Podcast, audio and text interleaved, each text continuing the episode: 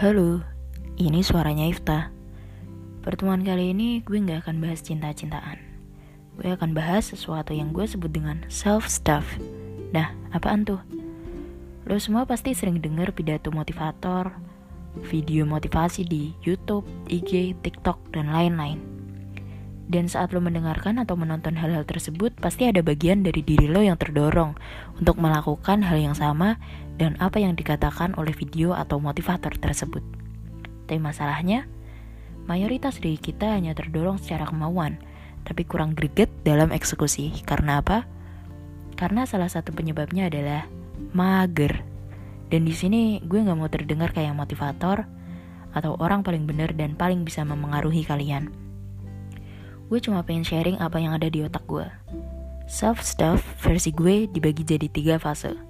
Bagian pertama adalah self-acceptance atau penerimaan diri. Maksudnya apa? Ya maksudnya lo menerima diri lo yang begitu, yang mungkin lo gak suka sama diri lo atau sifat lo, tapi lo susah banget untuk ngilangin sifat itu. Menerima diri lo yang mungkin berbeda sama orang-orang di sekitar lo. Intinya, menerima semua hal yang ada di lo kalau lo sudah berhasil ngejalanin fase pertama, lo bisa lanjut ke fase kedua, yaitu self-love. Kita semua pasti udah sangat-sangat familiar sama kata satu ini. Karena emang banyak banget bertebaran di sosial media. Dan ya, self-love adalah fase kedua setelah lo mampu menerima semua hal yang ada di lo, lo harus mencoba untuk menyukai hal-hal tersebut. Lo harus meyakinkan diri lo kalau lo itu dicintai, at least sama diri lo sendiri. Di fase self-love, eh, harusnya lo akan mengurangi intensitas berperang melawan diri lo sendiri. Tapi, self-love akan kurang maksimal kalau lo tidak melewati fase ketiga, yaitu self-improvement atau pengembangan diri. Setelah lo bisa menerima dan menyayangi diri lo sendiri, di fase ini lo harus memilah dan memilih sifat mana yang lo ingin pertahankan, mana yang ingin lo hilangkan, dan mana yang ingin lo tingkatkan.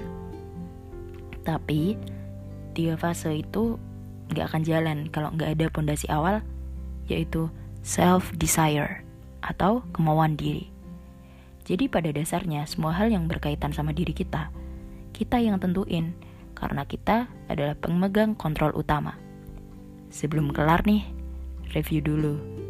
Self desire, self acceptance, self love, dan yang terakhir self improvement. Oke? Okay? Eh, by the way, aneh juga ya dengerin gue ngomong agak serius kayak gini. Ya udah, segitu dulu deh. Sekian. Terima kasih sudah mendengarkan.